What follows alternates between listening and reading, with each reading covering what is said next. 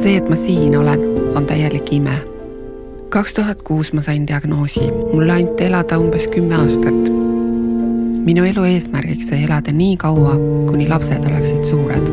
eelmisel aastal aga tuli kõne. minu jaoks on leitud kopsud. uued kopsud on toonud mõistmise, milline võit on igal hommikul ärgata ning päeva alustada. anna elule võimalus ja registreeri ennast elundidoonoriks veebilehel digilugu.ee Kuku Raadios välja öeldud seisukohad ei pea ühtima Kuku Raadio seisukohtadega. Te kuulate Kuku Raadiot.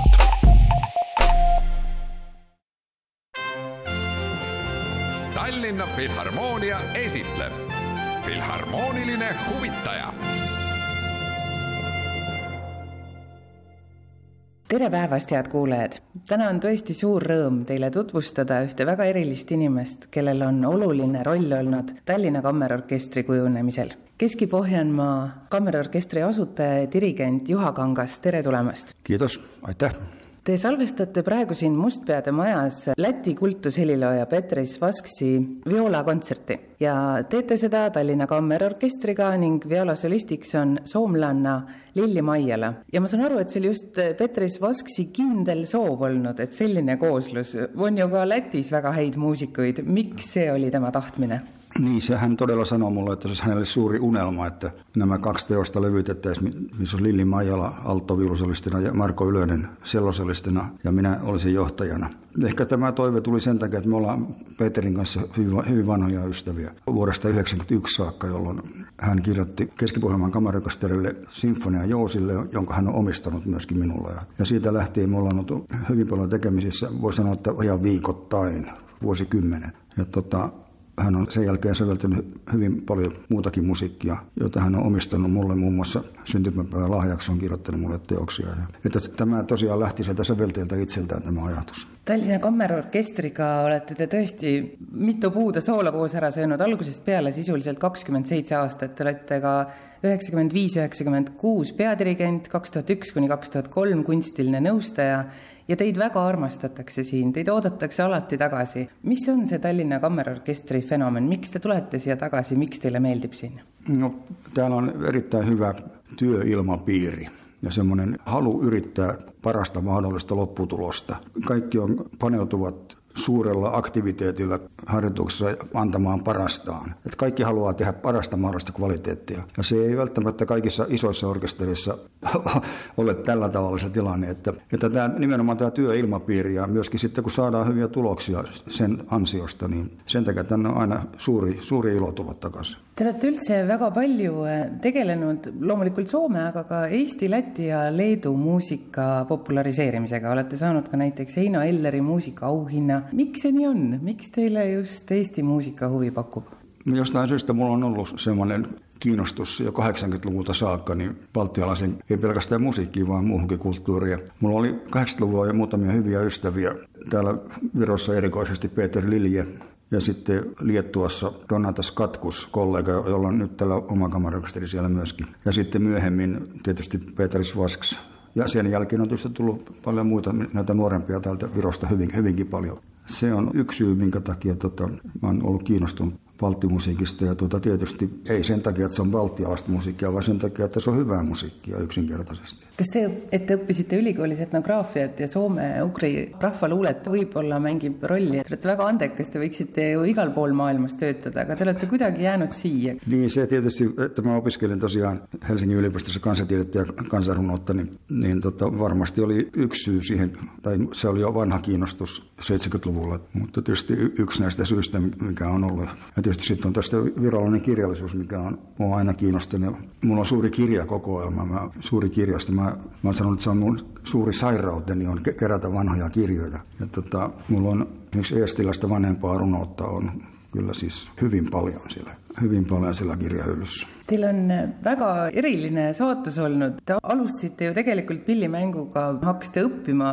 väga hilja teismelisena. Käisite väga kaugel, 45 kilomeetri kaugusel Kokkolas tundides selleks, et teie väikses kohas ei olnud neid õpetajaid. Mis oli see, mis teid sundis muusika juurde? No mä oon tietysti syntynyt semmoisen perheeseen, missä mun isä oli urkuri, kanttori.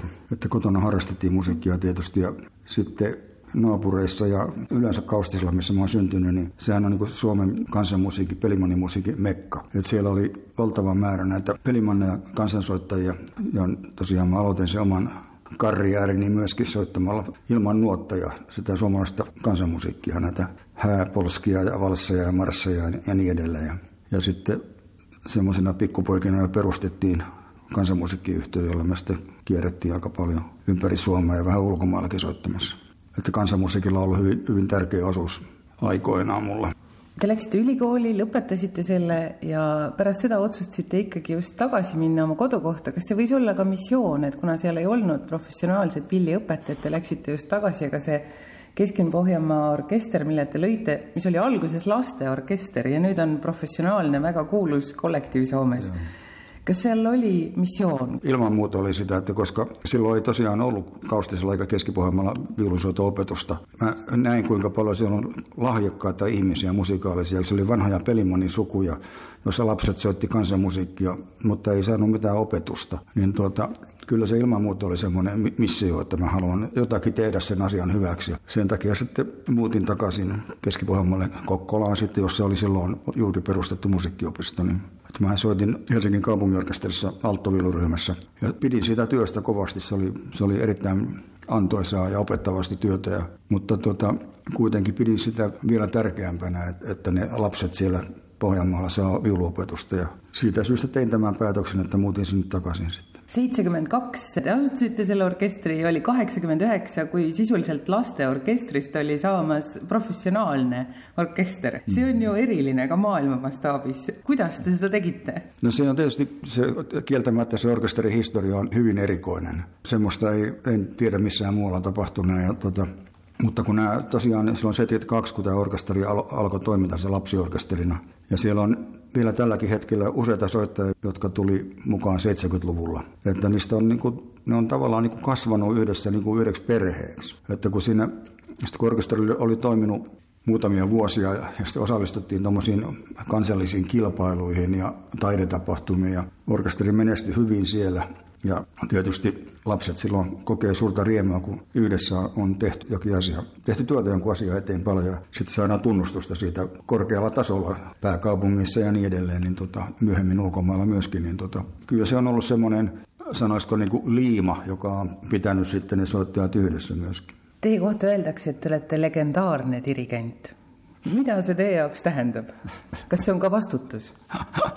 en tiedä. Siihen mä en osaa vastata. aga kui ma küsiksin teie käest, kes on teie jaoks legendaarsed dirigendid, keda te nimetaksite? No tietysti nyt on useitakin, mutta mulla on suuri esikuva ollut kyllä suomalainen Paavo Berilund. Hän on ollut kyllä mulle hyvin, hyvin tärkeä esikuva. Te olite violamängija ja kasvasite sisuliselt dirigendiks töö käigus, elu käigus. mis see teile on andnud, et te olete ka orkestrit seestpoolt kuulnud nii-öelda? Niin, siis kun mä soitin siellä Helsingin kaupunkiorkesterissa viisi vuotta alttoviulua, niin sehän on oikeastaan kaikista paras paikka niin kuin seurata kapellimestareita, koska alttoviulu stemmat ei ole niin vaikeita kuin esimerkiksi ensiviulustemmat. Siinä jää enemmän aikaa seurata ja, ja kuunnella ympärilleen. Ja tota, tietysti se mua harmittaa, että silloin kun mä istuin siellä ensimmäisiä vuosia siellä orkesterissa, niin ei mulla silloin ollut minkäänlaista käsitystä siitä, että musta voisi tulla kapellimestari. Et jos mä olisin silloin jo tiennyt sen, niin mä olisin voinut oppia sieltä vielä paljon enemmän, mutta tuota, hyvä näinkin, ei siellä mitään.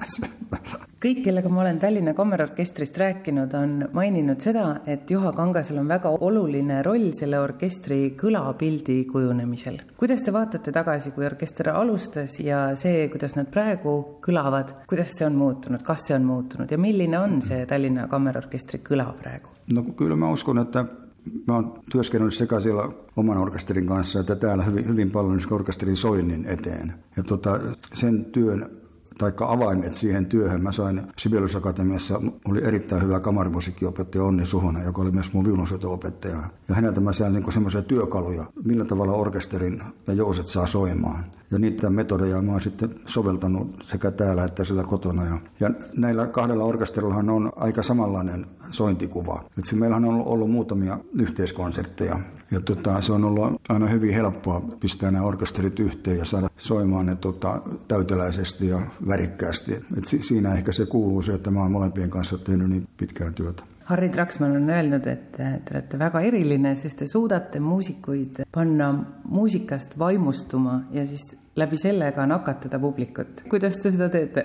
Ei sitä varmaan mitenkään tietoisesti edes tee, että kun itse on vaikuttunut siitä musiikista, mitä johtaja se antaa paljon ja elää sen musiikin mukana, niin tota, se on varmaan se, että jos se tekee niin kuin aidosti ja se, eikä siinä ole mitään sellaista näyttelemistä, niin niin mä uskon, että se on se tapa, mikä myös voi sitten tarttua soittajien ja soittajien välityksellä yleisöön. Että se kaikki semmoinen, että jos, jos sä alat orkesteri edessä niin teeskentelemään jotakin, että sä yrität olla erilainen kuin mitä sä oikeasti olet. Toisin sanoen, että sä oot epärehellinen siinä, niin siitä ei tule mitään hyvää tulosta koskaan. Kuidas praegu Vasksi lindistaminen läheb, olette rahul? No me, me ollaan nyt saatu alttoviulukonsertto valmiiksi ja nyt aloitetaan sitten sellokonserton kanssa ja kyllä mä ainakin säveltäjä, joka oli paikalla viime viikolla ja tulee olemaan nyt tänäänkin ja ja ainakin hän oli hyvin tyytyväinen. Ja se on tietysti meille muusikoille paras kiitos, jos säveltäjä on tyytyväinen. mille järgi te praegu üldse valite seda, mida lindistada, milliseid kontserte ette võtta, selge, et pakkumisi on ilmselt rohkem kui teha jõuaks? no mä oon tehnyt elämässäni noin 70 CD-levyä suurin piirtein. Ja tota, hyvin suuri osa niistä on tämän ajan musiikkia. Ja mä oon pitänyt hyvin tärkeänä sitä, että, että meidän oman aikamme musiikkia levytetään. Sen takia mä en, en halua olla tekemässä Vivaldin vuoden aikoja versioita numero 400 tai, tai Anneklainen musiikkia numero 500. Siinä ei muista mitään järkeä, että nykyään tehdään niin paljon hyvää musiikkia eri puolella maailmaa. Ja täällä tietysti mua eniten, eniten tuota, mulla on läheisimpiä nämä tässä Suomen lisäksi nämä Pohjoismaat lähinaapurit. Niin suurin osa niistä mun levyistä on nimenomaan näiden maiden musiikkia. On tietysti klassikkoja myöskin, mutta se ei mun mielestä ole niin tärkeää kuin uuden musiikin levyttäminen. Tallinna Kammerorkestri juures on nüüd tagasi peadirigendina Tõnu Kaljuste ja üks tema mure või südameasi on see, et Tallinna Kammerorkester ei ole praegu orkester, vaid keelpilliorkester. ta sooviks tuua ka teisi pille orkestri juurde mm. -hmm. mis te arvate, kui oluline see on ja kuidas see orkestrit kui elus organismi mõjutada võiks? no se on tietysti kaksi eri asiaa. Sitten mä oon aina ollut henken ja veren jousisoittimien puolella ja tuota, halunnut rakentaa sitä kulttuuria niin pitkälle kuin osaan. Ja koska sillä on sävelletty niin paljon musiikkia, niin jousiorkesteri säveltäjät on kiinnostunut ja kokee sen kokoonpanon mielenkiintoiseksi. Niin tota, meillä on siellä Kokkolassa myöskin pelkästään jousisoittimia ja sitten kun tarvitaan puhaltimia niin ihan samalla tavalla kuin täälläkin, niin niitä sitten lainataan muista orkestereista. Kyllä mä ymmärrän sen, että Tonua kiinnostaa laajentaa orkesteri, niin silloin pystyy laajentamaan myöskin ohjelmistoa, mutta silloin puhutaan niin vähän tietysti eri asiasta mulle riittää joosiorkester. Juha Kangas, nagu te ennem ka ise ütlesite, et teil on äh, tore haigus antikvariaate mööda kolada ja vanu raamatuid armastate väga Te ei ole enam esimeses nooruses. miks te ikka veel võtate kõike seda ette, neid kontserte, neid lindistusi, kas ei võiks lihtsalt kiiktoolis kamina ees olla ja raamatuid nautida? No, mulla jää kyllä aikaa istua kikkutuolissa ja, ja kamina ääressä ja lukea kirjoja, että enhän mä nyt enää tässä iässä, niin kun tänä vuonna täytää 75 vuotta, niin tota, en mä nyt enää niin paljon halua kiertää kuin nuorempana. Että kiva, että on paljon vapaa-aikaa ja voi tosiaan